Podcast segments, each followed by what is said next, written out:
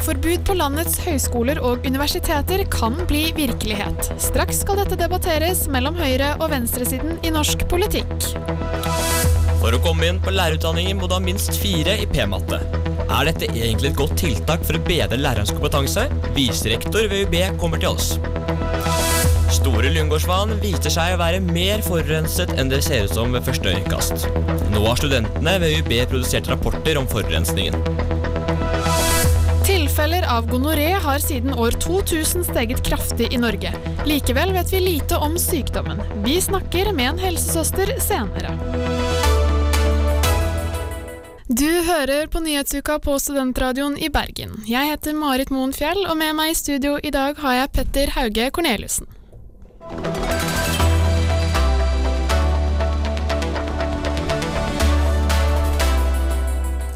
Regjeringen har sendt ut et forslag på høring som sier at bruk av burka og nikab skal bli forbudt på høyskole og universitet i landet. Universitetet i Oslo har allerede svart at de ikke støtter noe forbud.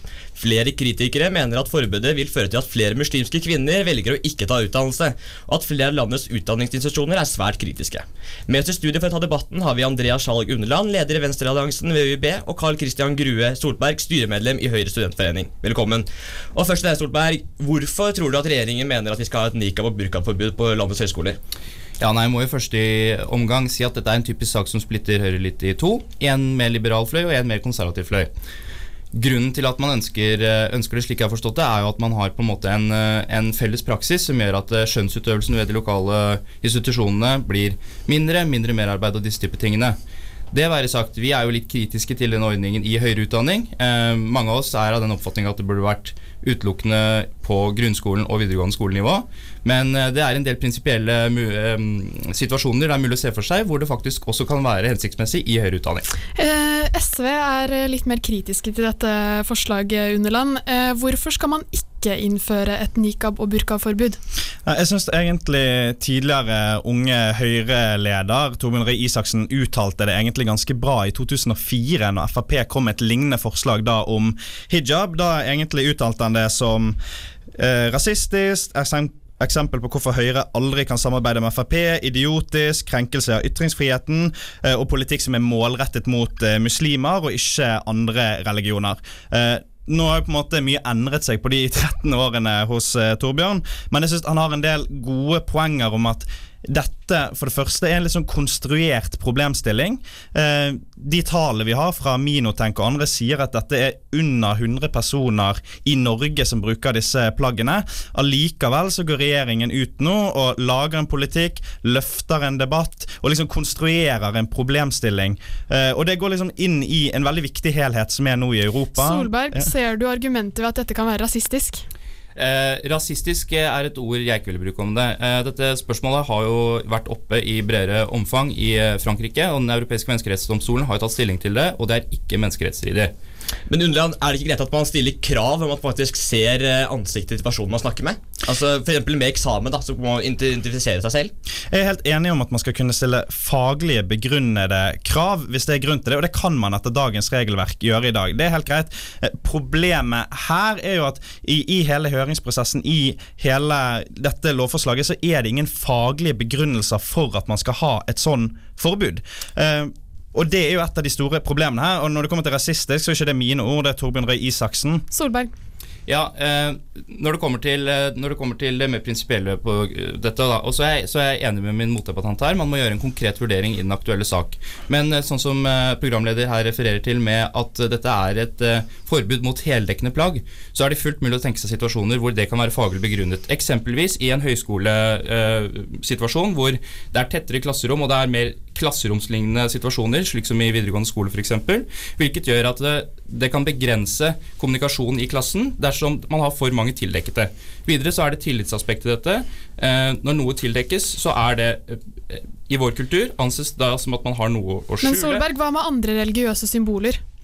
Andre religiøse symboler? Som f.eks. turban, kors? Men eh, nå må jeg korrigere programleder her litt, fordi dette er et forbud mot heldekkende plagg, og det er ikke låst til et eksempel, så det er ikke et religiøst nikab-forbud, det er et forbud mot heldekkende plagg begrunnet av pedagogiske grunner, f.eks. Mm. Mener du at kors og andre religiøse symboler burde bli forbudt? Nei. Men altså, det ble jo egentlig sagt veldig bra av motdebattanten min her. Det fins mange gode altså, scenarioer der man kan forsvare at man uh, ikke skal tillate disse plaggene, men de reglene har vi allerede i dag. Problemet med denne regelen er jo at det er en detaljstyring av universitetssektoren, der man sier at på et overordnet nivå så skal nasjonale myndigheter bestemme at dette ikke er lov i noen settinger. Men er det ikke greit med et nasjonalt forbud framfor at noen har det og andre ikke? Nei, altså jeg mener jo at Universitetene er best til å løse disse utfordringene når de oppstår sjøl. Bergen kommune i sitt høringssvar sier jo at vi har ingen eksempler i Bergen på at dette forekommer i det hele tatt. Hvorfor skal vi da ha et regelverk på det? Vi kan heller utarbeide regler når det er relevant, og hvis det blir en problemstilling. Men Solberg, nå har jeg liksom, I dag så hadde VG en sak om at samtlige universiteter og høyskoler i Norge var kritiske til dette her. Eh, hvorfor skal liksom regjeringen da fortsette å presse på dette forslaget? For det er jo det som det virker som de ønsker å gjøre. da. Det er derfor jeg var så tydelig eh, innledningsvis her. Eh, vi er kritiske til dette, og vi eh, i, Høyre er jo for lokalt selvstyre og mener at ofte beslutninger tas best lokalt. Så i så måte mener vi at det er veldig gode grunner for at, dette, at denne ordningen om å overprøve de nasjonale institusjonene ikke er hensiktsmessig. Det være sagt. Eh, det er godt begrunnet at, eh, at, eh, det er et stadig økende omfang av, av, muslimske ungdom i Norge med en mer salafistisk tilnærming. Så det argumentet om at dette ikke er aktuelt ennå, det er ingen, et godt argument for å, for å, ta en debatt rundt det og, og forsøke å innrette seg. Men hva er bakgrunnen for at noen institusjoner har det og andre ikke? Det, dette kan jo for være forskjellen Hvis vi tar høyere utdanning som et eksempel, da, så er det veldig forskjell på et utdanningsløp hvor store deler av undervisningen går eh, foreleser til, eh, til eh, student mens i en, i en, mer sånn typisk som jeg ser for meg en høyskolesetting, hvor man har større grad av klasserom, og klasseromsdiskusjon er undervisningsformen, så kan det være hemmende for diskusjonen. Så dette er eksempler på situasjoner hvor det kan være uheldig med heldekkende plagg i høyere utdanning. Undran, tror du at dette, hvis dette forbudet blir innført, vil føre til at flere muslimske kvinner dropper ut, eller at de ikke søker seg til høyere utdannelse i det hele tatt? Det er jo en av de store bekymringene som kommer frem i denne høringsprosessen. Vil et sånt forslag føre til at uh, den lille gruppen det er snakk om, uh, ikke tar høyere utdanning. Eh, og Det vil være et veldig stort problem. Det er veldig viktig det at disse gruppene, som da er åpenbart veldig religiøst overbevist, eller lever i kulturer der det er viktig for de å gå med disse plaggene, også har retten til å ta utdanning. Men kan de ikke ta det av seg på skolen, da? Altså, selvfølgelig kan de ta seg av deg. Poenget er jo skal vi tvinge de til å ta det av seg. Jeg mener at dette skal Du sa det ikke handlet om religion. Nei, altså, jeg sier at dette er både en religiøs praksis altså, Dette kommer jo uh, an på hvordan de begrunner det sjøl, de som går med det. Og jeg mener at vi som samfunn skal ikke begynne med et sånn klespoliti. Det er liksom en veldig sånn historisk eh, dårlig tradisjon man har hatt. Og så ser, husker man sånn bildene fra Frankrike der politiet står og river av klærne til folk på stranden og sånne ting. Det er det samfunnet vil ikke jeg ha. Jeg da må vi slippe til Solberg. Ja, fordi dette eksempelet fra Frankrike er eh, ikke overførbart, mener jeg. Det er, det er et helt annen diskusjon, og der er jeg lagt langt på enig med min motdebattant. Men eh, jeg mener sånn prinsipielt at det ikke er noe problem ved at man stiller noen krav. Og det å stille krav til at man skal kunne se ansiktene på hverandre, så fremt det er faglig begrunnet, slik det er f.eks. ved pedagogiske årsaker, så er, vi må ikke være så redde for å stille krav. Også toleranse har grenser. Siste ord til Underland. Ja, men poenget her er jo at det ikke er faglig begrunnet. Her er jo det, Hvis vi skal som liberalere stå her, du skader ingen andre med å gå med dette plagget. Hvis man da prinsipielt skal si dette får du ikke lov til uansett, da er jeg uenig. Men selvfølgelig kan vi stille faglige krav når det er riktig. Men din frihet stopper jo uh, der uh, den påvirker min frihet, så i så måte må man kunne diskutere dette ut fra det perspektivet. Ja, men du kan ikke kreve å få se mitt hus. Da er jeg nødt til å avbryte dere. Tusen takk for at dere kunne komme til studio, Andreas Skjalg Underland og Carl Christian Grue Solberg. Takk.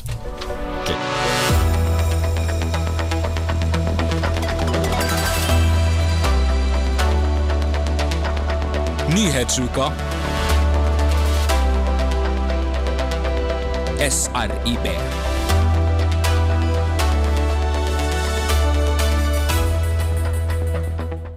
Dersom du planlegger å bli lærer, må du ha minst fire i faget praktisk matematikk fra videregående skole. Det nye kravet ble innført av kunnskapsminister Torbjørn Røe Isaksen og gjelder fra høsten 2016. Ambisjonen med kravet er at læreryrket skal bli mer prestisjefylt, og at flere unge skal søke seg inn til høyskolene med lærerutdanning. Prognoser fra Statistisk sentralbyrå viser at Norge vil mangle 11 000 lærere om fire til fem år. Hvordan kan en redusere lærermangelen samtidig som en må øke lærernes kompetanse? Med oss i studio har vi Oddrun Samdal, viserektor ved UiB, og Eirik Søvik, førsteamanuensis ved Høgskolen i Volda. Samdal, hvorfor er det rimelig å kreve karakteren fire i p-matte fra videregående når Norge opplever lærermangel? Ja, jeg tenker jo Viktigere enn at det skal bli et pre- prestisjeyrke, er jo at en har en god allmenndanning, og der er matematikk ett av de områdene sammen med norsk og engelsk som vi tenker er viktig. Og så har jeg òg lyst til å understreke at dette kravet er jo knyttet til praktisk matematikk. Eh, Og har en tatt eh, matematikk for realfag eller matematikk for samfunnsfag og stått i faget, så, så gjelder ikke dette firerkravet. Eh, Men hvorfor gjelder det bare matematikk og ikke de andre fagene? Eh, Vi er jo veldig åpne for å, å diskutere om vi burde ha firerkrav òg i, i norsk og engelsk. Eh, Og da legger vi de disse tre allmenndannende fagene til grunn for en slik tenkning. Søvik, du har jo uttrykt at du er litt skeptisk til kravet. Hvorfor er det urimelig å kreve dette av studentene? Ja, nei, på ta det argumentet som eh, ble lagt fram her av rektor Universitetet i Bergen, at det ikke er urimelig å forvente at lærere kan praktisk matematikk, så syns jeg det blir litt å blande korta. Snakker vi her om lærere som skal ut og gjøre lærergjerning, eller studenter som skal starte på en lærerutdanning? Og vi som er på institusjoner som driver med lærerutdanning, har tro på at vi klarer å ta de studentene som kommer til oss, og gjøre dem dyktige nok i fagene sine til å kunne drive med god undervisning. Det er jo urimelig at Universitetet i Bergen skal forvente at de som kommer dit for å studere medisin, kan kirurgi før de starter på studiet. Det blir litt det samme her. Men er det ikke litt forskjell på um, kirurgi og grunnleggende matematikkunnskaper? Jo, det, det kan du si, men som sagt, vi lærer dem matematikk og å undervise i den matematikken. Og nå har jo Kunnskapsdepartementet allerede innført en nasjonal deleksamen, slik at våre studenter får ikke lov til å bli lærere med mindre de er gode nok i matematikk på et nivå satt nasjonalt. Samme, hva mener du her? Eh, Er det rimelig at eh, lærerutdanningen skal lære studentene grunnleggende matematikk på studiet? Vi har vel ikke tenkt sånn i, i den oppbyggingen som er, for det er klart at det her, eh, når en kommer og skal bli, ta en lektorutdanning, så har en to fag som en får den utdanningen spesifikt knyttet til. Og det trenger ikke være matematikk som et av de fagene, men vi mener likevel at det er relevant at en har en allmenndanning i matematikk, selv om en skal bli lærer innenfor historie eller nordisk eller mm. Men er på en måte firekravet um, en god nok sikrer for at eh, studentene har gode nok mattekunnskaper? Det kan jeg vel aldri være en, en garantist for, men, men det er nå i hvert fall et, eh, et krav som, eh, som virker rimelig. Så har jeg sett i debatten at det har vært fremma synspunkt på at en burde forske på effekten av dette kravet, og det stiller jeg meg gjerne bak at vi, vi trenger å lære mer om hva, hva er det som ligger i et, et firerkrav, og hva, eh, hva, hva gir det oss. Men, men jeg tenker som en allmenndanner så, så har jeg tro på en slik tilnærming. Søvik, denne situasjonen her kan jo minne litt om en situasjon hvor vi snakker om kvantitet over kvalitet, hvor det blir mange lærere med dårlige mattekunnskaper eh, versus få lærere med gode kunnskaper. Er ikke det ganske kritikkverdig at lærere ikke har gode nok mattekunnskaper på skolene? Ja, men Nå vet vi ikke om det er tilfellet. Nå har vi akkurat gått over til en ny lærerutdanning for, eh, for sju år siden. Så de lærerne som har blitt utdannet med en ny lærerutdanning, har akkurat begynt å komme ut i skolen.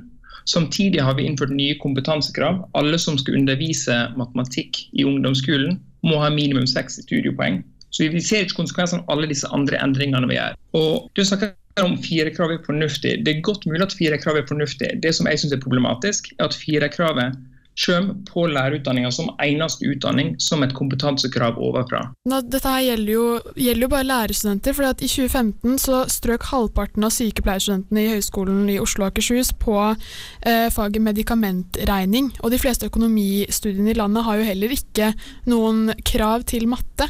Så hvorfor gjelder det bare eh, lærerstudiet, når det faktisk kan gå utover liv på sykepleierutdanningen? Ja, nå er det jo slik at en må stå i medikamentberegning for å få eh, sykepleierutdanningen. Sånt, Men, men det som er forskjellen her, er at uh, mattekrav ikke stilles som en inngang til den utdanningen.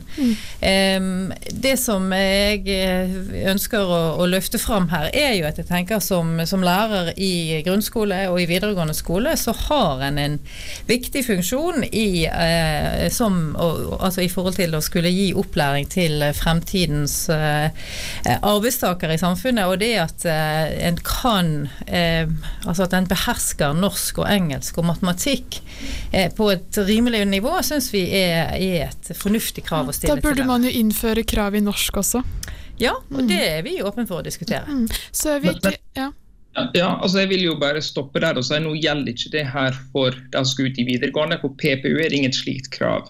Og Når det gjelder de som skal ut i barneskolen, som du sier, så har vi allerede en nasjonal deleksamen som alle må gjennom. Så kan ikke heller gi studentene en sjanse. Altså Disse her tok praktisk matematikk ett eller to år tilbake i tid. Enkelte før det kravet ble innført. Blir de straffet for gamle synder her når de igjen må gjennom et nytt nåløye dersom de hadde fått lov å slippe inn.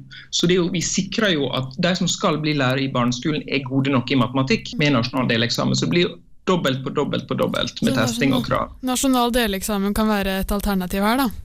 Den finnes allerede i dag, og alle som skal ut i barneskolen, må gjennom den. Men eh, er det urettferdig at kravet bare skal gjelde for lærerstudenter? Eh, nei, altså, jeg synes å ha krav til studenter er flott, men de kravene må komme fra utdanninga sjøl. Så Universitetet i Bergen må få lov til å si de som skal studere medisin hos oss, må ha tatt fordypning i kjemi, biologi, fysikk, hva nå enn det måtte være. På samme måte må vi få lov til å si skal du bli lærer, trenger du fire, trenger du tre i matematikk. Men krav må komme fra de som driver med utdanningene, og ikke ovenfra. Samdal, hva mener du her? Ja, jeg, jeg, skal, jeg følger argumentasjonen langt på vei i forhold til at eh, utdanningsinstitusjonene må få stille krav. Og det er vi jo invitert inn til av Kunnskapsdepartementet for alle utdanningene våre. Og vi har eh, valgt å stille oss bak et eh, R2-krav eh, for flere av våre utdanninger. Eh, Når jeg likevel tenker at det er fornuftig med et nasjonalt krav for, eh, for lærere, så er det jo gitt den sentrale rollen som de har som, som utdannere av alle barn og, og unge, og som skal legge grunnlaget for eh, deres fremtidige samfunnsborgerrolle og, og arbeidstakerrolle. Unnskyld, kan jeg bare si raskt tilsvar på den? Absolutt. For ja, Vi har en rolle med lærere, men dere har samme rolle når det gjelder sykepleiere, når det gjelder leger, når det gjelder ingeniører. Det er ingen godt argument her som gjelder lærere spesifikt. Vi har alle viktige arbeid og jobber å gjøre i samfunnet. Og da tenker jeg at Vi må la det være opp til de som jobber med den gruppa. Vi kjenner lærere, vi vet hva lærere driver med, og bestemmer hva som skal til for å være en god utøver i det yrket. Da må jeg sette en strek der. Tusen takk for at dere kunne komme til studio, Oddrun Samdal, og for at du kunne være med over Skype, Eirik Søvik. Du hører på Nyhetsuka. Dagens programleder er Marit Moen Fjell. Vi snakket med studentradioen i Bergen-veteran Arild Ristin i anledning radioens 35-årsdag. I anledning radioens 35-årsdag snakket vi med journalist Arild Riise. Riise startet sin karriere i studentradioen i Bergen for 35 år siden, og kunne avsløre at radioen var ganske annerledes på den tiden. Var det fire-fem stykker Fire, fem, nei, det var, det var nok litt mer, men vi var litt sånn inn og ut. Og vi var helt i starten. Eh, Vi følte vi gjorde nesten noe ulovlig når vi var på lufta, fordi at eh, vi, eh, vi var litt sånn underground. Og hadde det fole artig, men, men når det gjaldt eh, kjøreplanen og sånt, så, så var vi visste hva musikk vi skulle spille, og så måtte vi på en måte improvisere en god del da. Riise deltok på studentradioens morgensendinger. Dette her var jo i 1982-1983. og Så var det en som het Per Inge Hjertaker som var, var den første redaktøren. Og Han sier nå at jeg, dette her passer jo du til. Jeg var litt sånn toastmaster og å være med og lage noen sendinger. Og vi hadde morgensendinger, veldig improvisert. Det var et rom med bord og mikrofoner og plater og sånne ting. Studentradioen var tidlig en arena hvor man kunne promotere akademia fra Universitetet i Bergen ut til resten av landet. Og det vi oppdaget etter hvert, det var at eh, vi fikk fram akademia. Vi hadde veldig mange gode intervjuobjekt på universitetet som ikke var vant med å være så veldig mye offentlig. Georg Johannessen som, som var der, Frank Aarebrot og alle disse eh, som eh, veldig mange kjenner i dag. Da. Så vi oppdaga at her er det jo eh, en kanal ut for akademia i Bergen som vi kan ause av. Og studentradioen var et spenstig alternativ til NRK. Men dette her var altså under NRK-monopolet. Det, det hadde ikke åpna seg opp ennå, så folk var veldig sultne på å få alternativ til NRK. Så Derfor så kom radioen som på en måte en sånn befriende eh, kanal ut til folk, og noe som vi hadde veldig mye moro, moro med. Tiden i studentradioen var utslagsgivende for at Riise fikk sommerjobb i NRK. Og så fikk jeg sommerjobb i NRK Møre og Romsdal. Du hadde jobba i lokalavis og så hadde jeg jobba i studentradioen. Det var et pluss. De ville ha nye, den nye generasjonen inn. Og etter å ha fått sommerjobb der, så plutselig lurte de på om jeg ville fortsette. Og jeg hadde tenkt å skulle gjøre ferdig studier. Men da var jeg fanga i radioen. Og, og i mediet, og, og, og, så da mulighetene. Så siden så har det vært i, i kringkasting. Det man lærer om politikk, mener Riise er nyttig for praksisarbeid. Det du lærer f.eks. I, i, i samfunnskunnskap eller politikk, er veldig nyttig å ta med seg inn i radioen i formidlinga. Være med på valgsendinger og sånne ting. Jeg vet ikke om dere har det, men, men, men alt som har med praksis å gjøre, er jo inspirerende for det du studerer. Sånn opplever i hvert fall jeg det.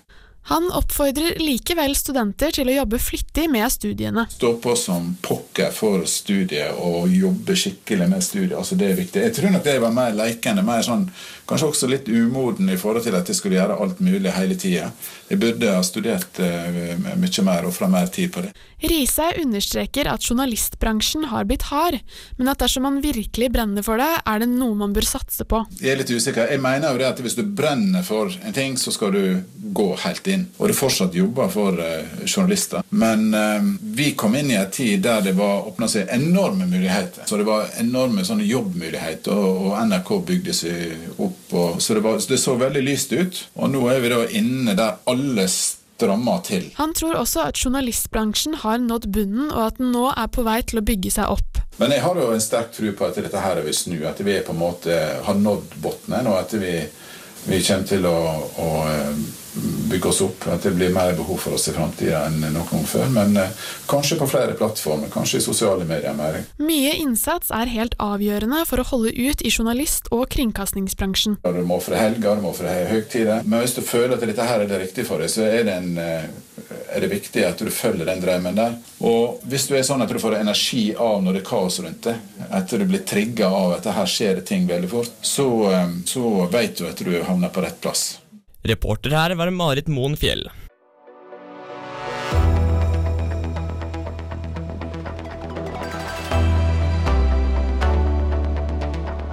Nyhetsuka. SRIB.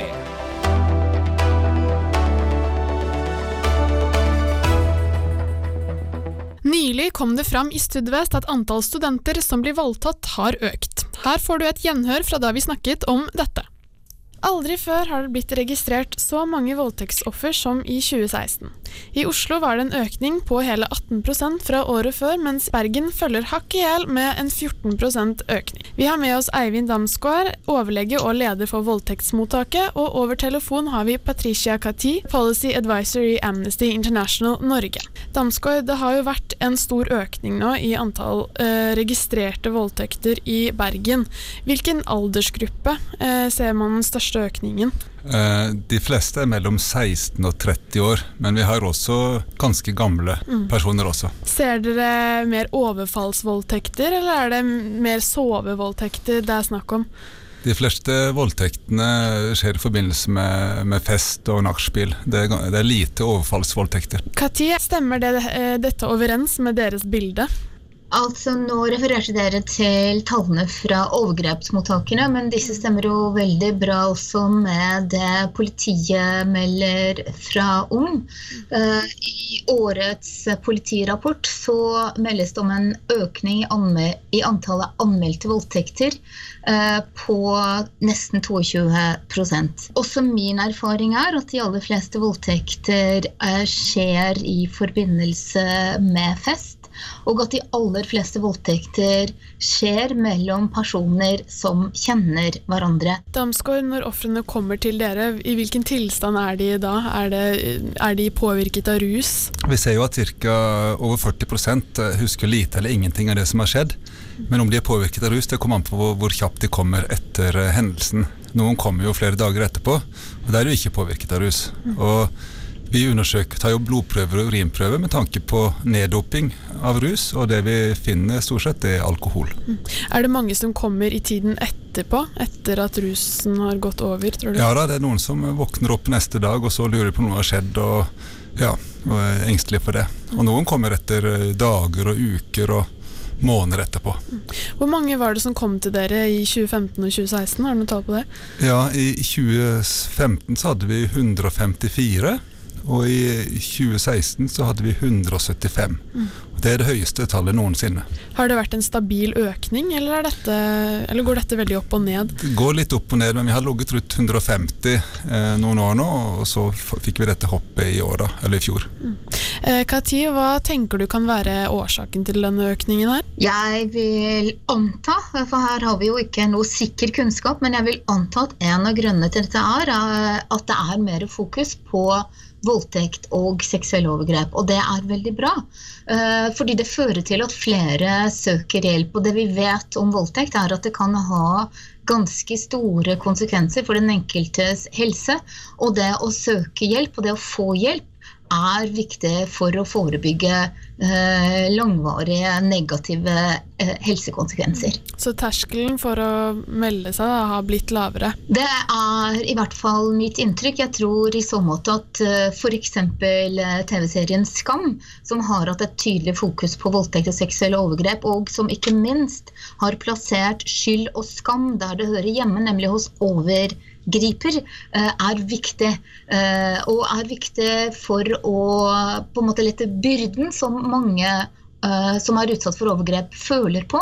At de er skyld i det overgrepet som de har vært utsatt for. Damsgaard, hva tenker du? Jeg tenker også, også litt uh, av det samme, at dette mediefokuset som har vært i det siste, kanskje spesielt også Hemsedal-saken, som har fått veldig mye mediedekning, har vært med på å, å, å sette det på dagsorden, og, og at folk søker hjelp. er det flere som blir voldtatt nå enn før? Ja, det, det er umulig å vite, da, men vi vet jo fra undersøkelser at eh, det er bare toppen av il- isfjellet som kommer til voldtektsmottaket og til politi. Så, det, så jeg, jeg håper at er mørketallene vi tar av når vi ser denne veksten, at det ikke er noen reell vekst. Men det er veldig vanskelig å vite. Mm. Tenker du også at det er en hold holdningsendring på gang, slik som Kati sier her? Ja, jeg håper det, at det, at det er det. og um, det er veldig viktig, og vi, i tillegg til å gi dem medisinsk behandling og, og ta sporsikring med tanke på DNA og, og sånt, så er jo den psykososiale oppfølgingen veldig viktig etterpå. Eh, har dere noe tall på 2017 så langt?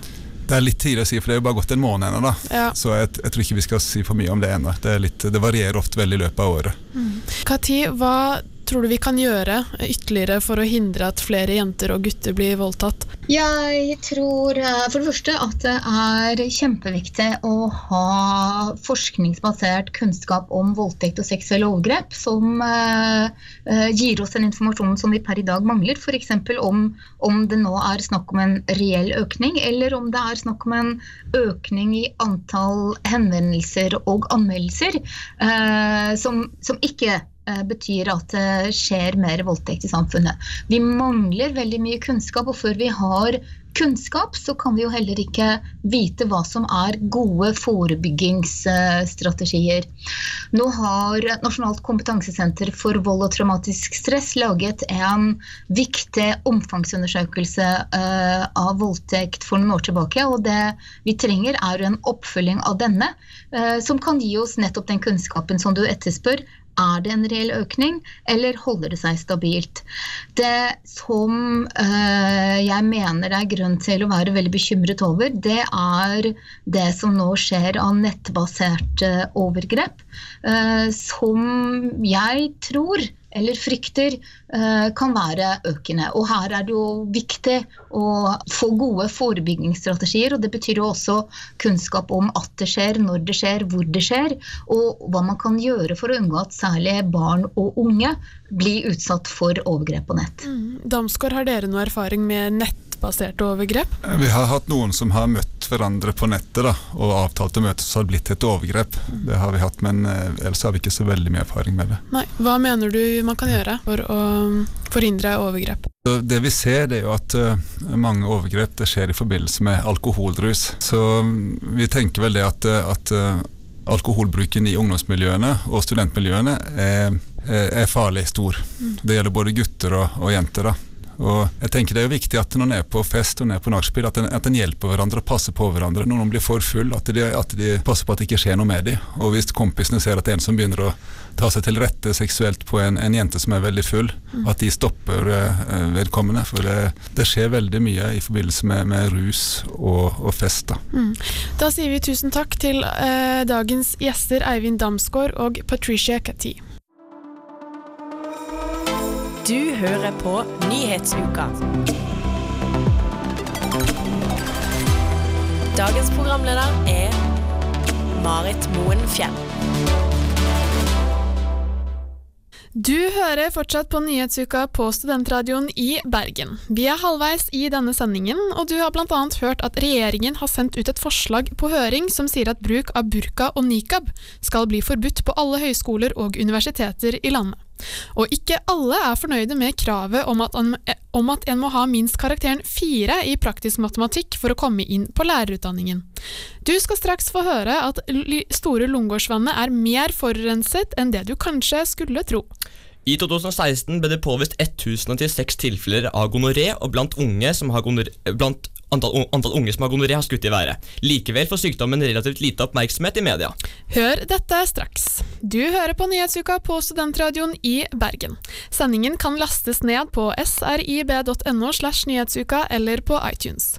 Mitt navn er Marit Moen Fjell, og med meg i studio i dag har jeg Petter Hauge Korneliussen.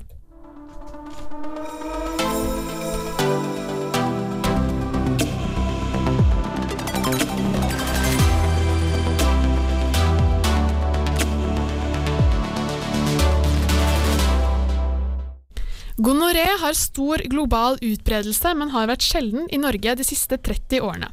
Likevel har antall smittede imidlertid økt kraftig siden år 2000. Det som gjør gonoré bekymringsfullt, er at det er en sykdom som raskt blir resistent mot antibiotika.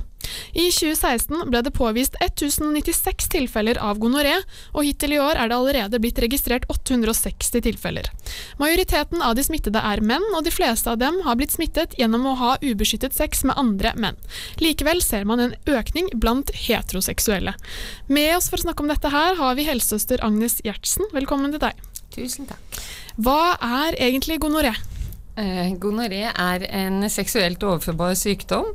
Det er en bakterie, en gonokokkbakterie, som lar seg behandle av antibiotika. eh, men det er jo klart at eh, den har uh, ubehandlet, så har den en del konsekvenser som man ikke ønsker. Mm, og den blir fort resistent mot antibiotika? Ja, eh, det gjør faktisk ganske mange bakterier. Eh, så det er jo et bekymringsfullt eh, problem sånn globalt. Men eh, gonokokk gjør også det, ja.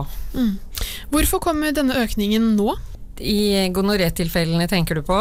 Eh, det tror, tror jeg, og mange med meg, er at eh, ungdom og eh, unge voksne har mer ubeskyttet sex. De beskytter seg ikke eh, med kondom. Eh, og det er en bakterie som lett sprer seg. Opplever dere at det er mange som kommer og sjekker seg nå eh, for gonoré pga. økningen? Vi opplever at i hvert fall opplysningen om at man kan ha gonoré eh, er bedre, og at folk vet mer om det. Men det er veldig mange unge som ikke har hørt om gonoré som kjønnssykdom, og ikke er bekymret for det heller. Det er jo gjerne klamydia som, eh, som står i høysetet der. Men sammenlignet med andre kjønnssykdommer, hva er det som gjør gonoré så ille? da? Nei, det er fordi at den er vanskeligere å behandle. Det, må, det, er, ikke, det er ikke bare å ta to tabletter. Eh, eh, de som har gonoré, som er påvist gonoré hos oss, de må henvises til Haukeland sykehus og også få en injeksjon i forhold til eh, behandling.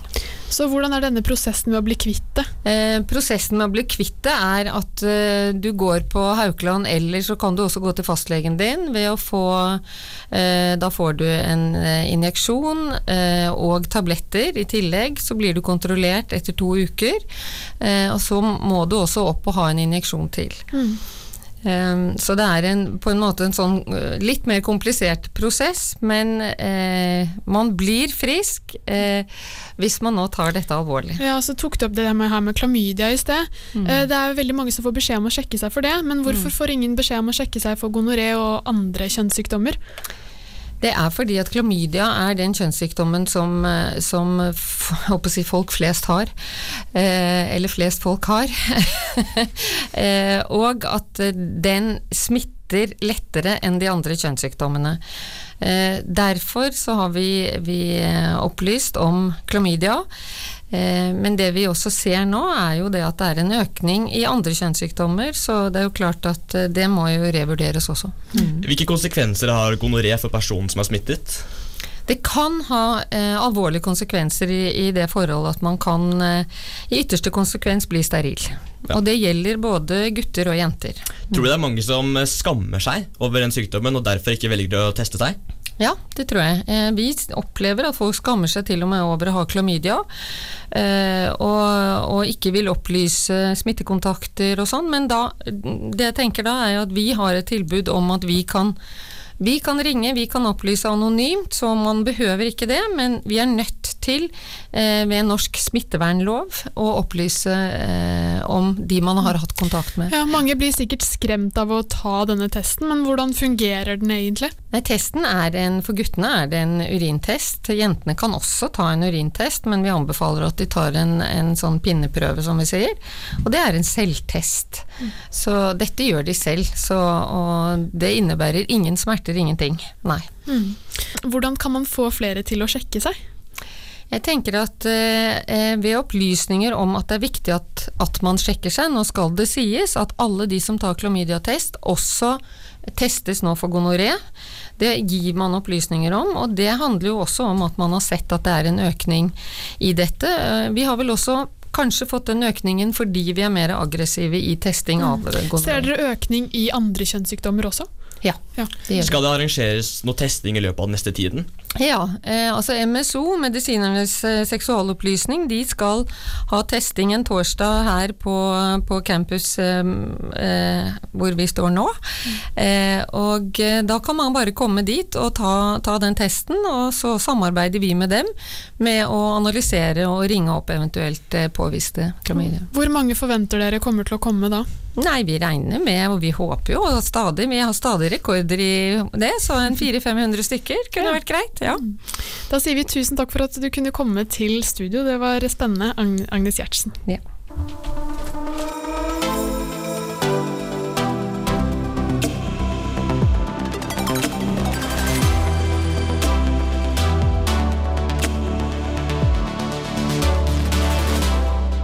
I byens sentrum ligger Lille, eh, Store Lugårdsvann. Det er en populær rute for turgåere og båtglade mennesker. ADO Arena og Amalie Skram videregående skole ligger også her.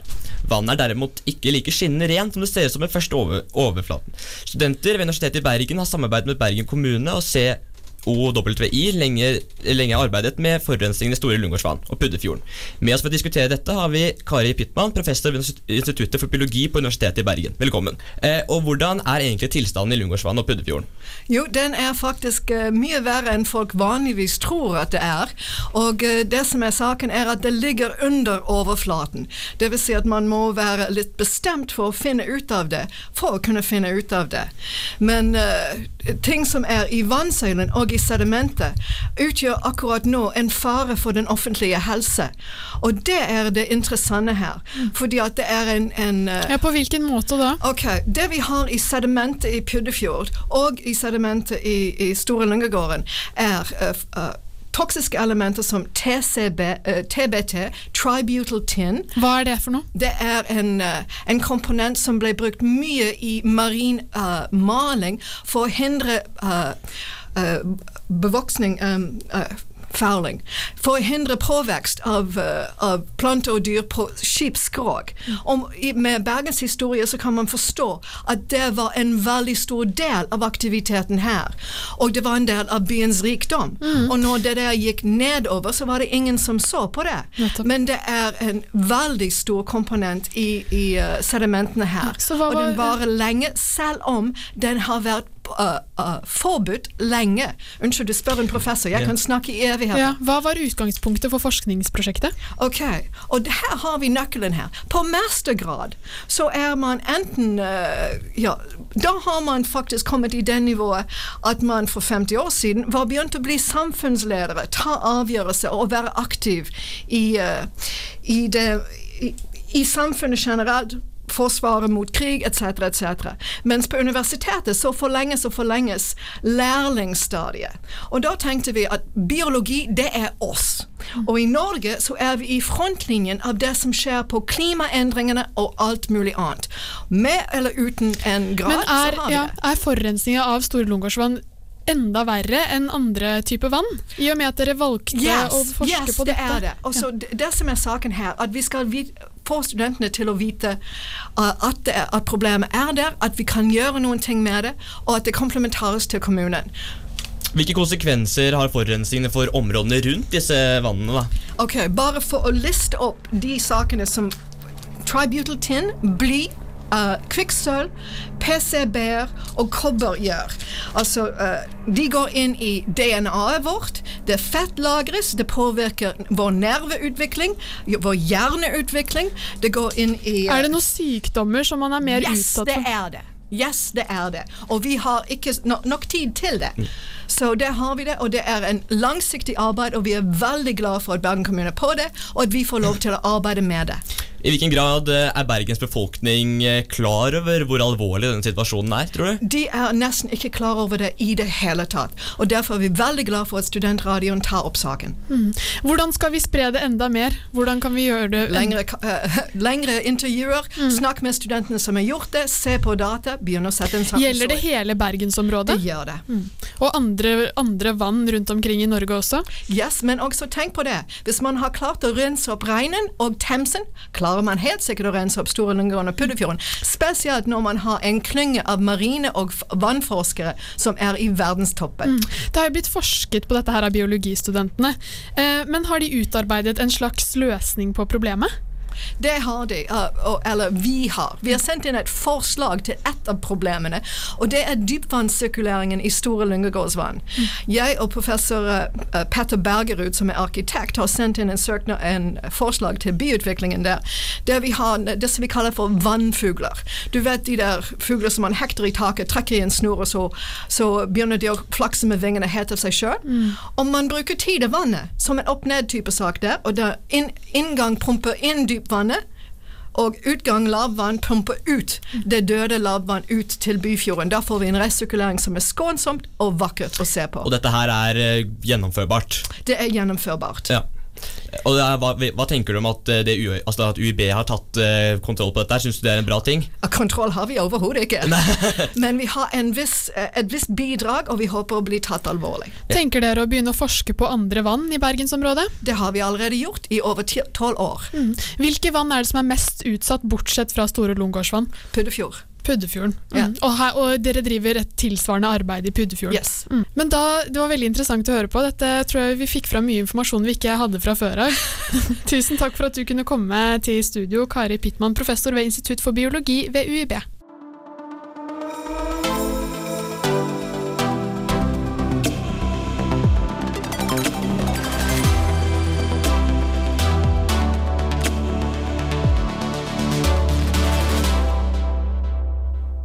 Nå, førstkommende mandag, åpner de nye studentboligene på Fantoft og i Jekteviken.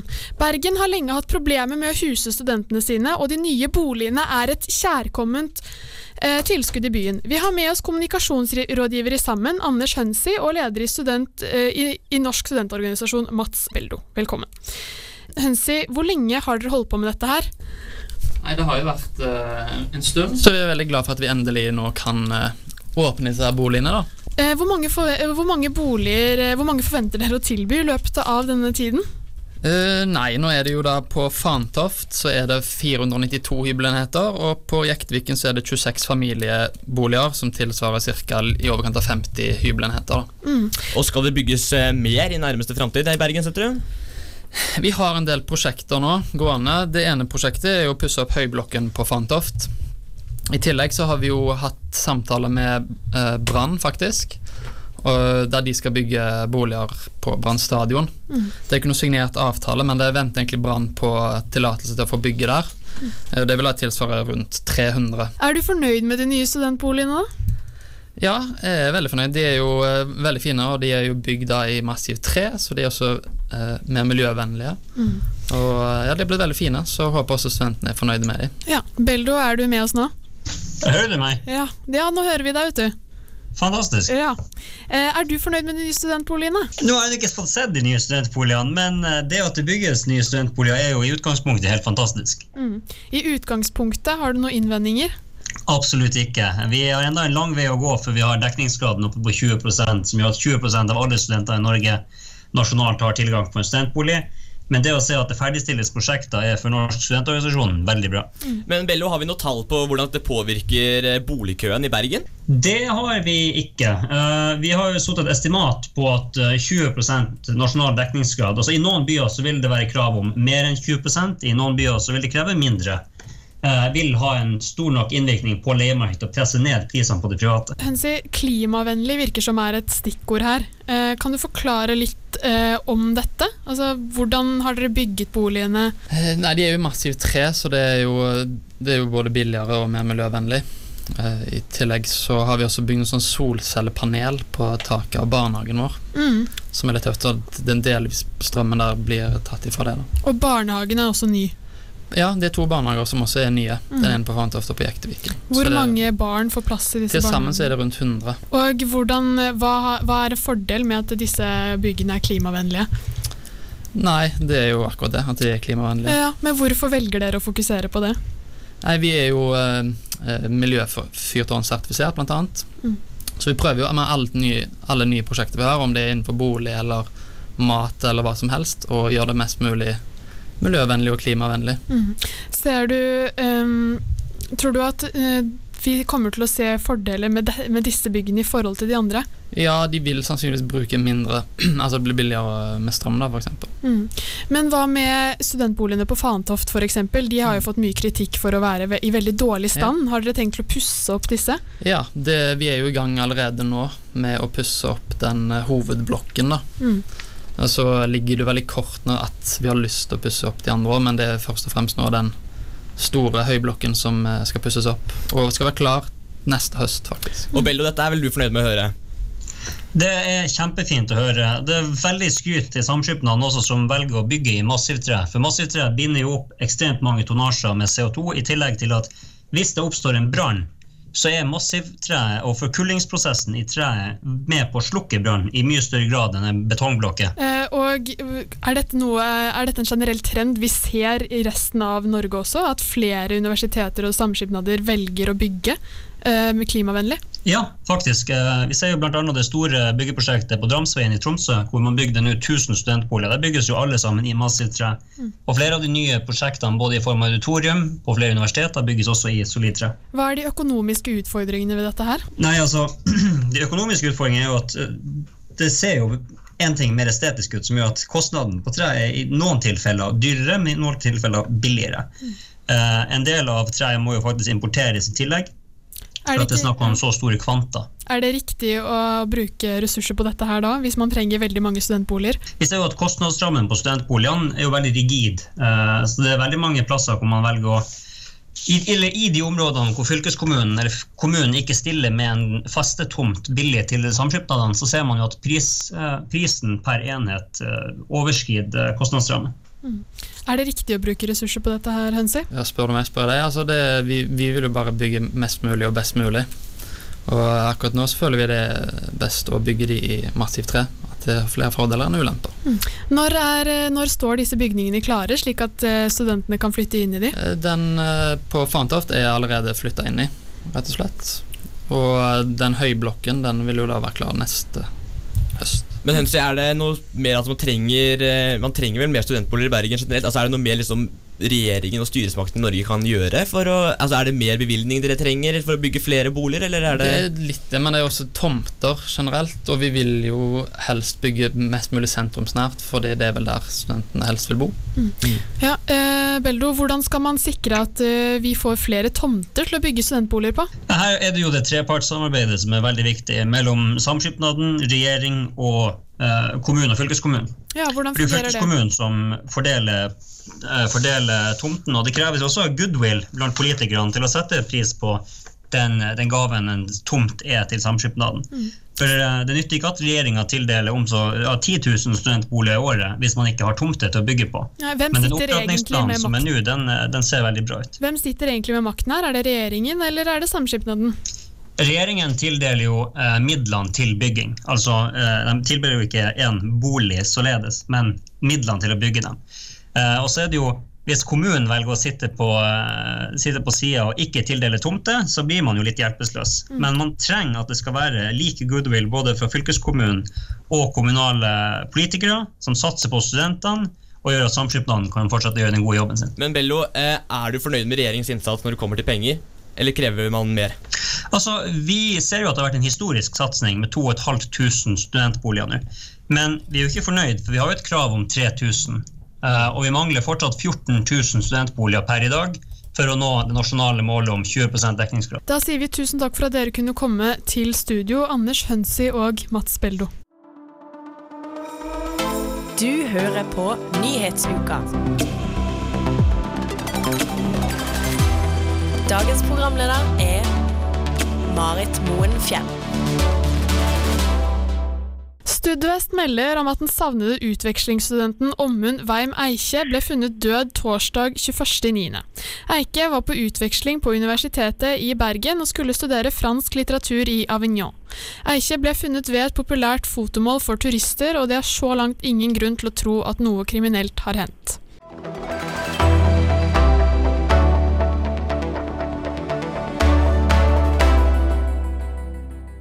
Og med det var ukens sending over på Nyhetsuka på Studentradioen i Bergen. Tusen takk til alle dagens gjester, og til vår produsent Torvald Næss. Ansvarlig for denne sendingen var Caroline Baug. Dersom du ikke fikk med deg sendingen i sin helhet, kan du laste den ned på srib.no slash nyhetsuka eller på iTunes. Mitt navn er Marit Moen Fjell, og med meg i studio i dag har jeg hatt Petter Hauge Korneliussen. Ha en riktig god helg. Du har nettopp hørt en sending av Nyhetsuka.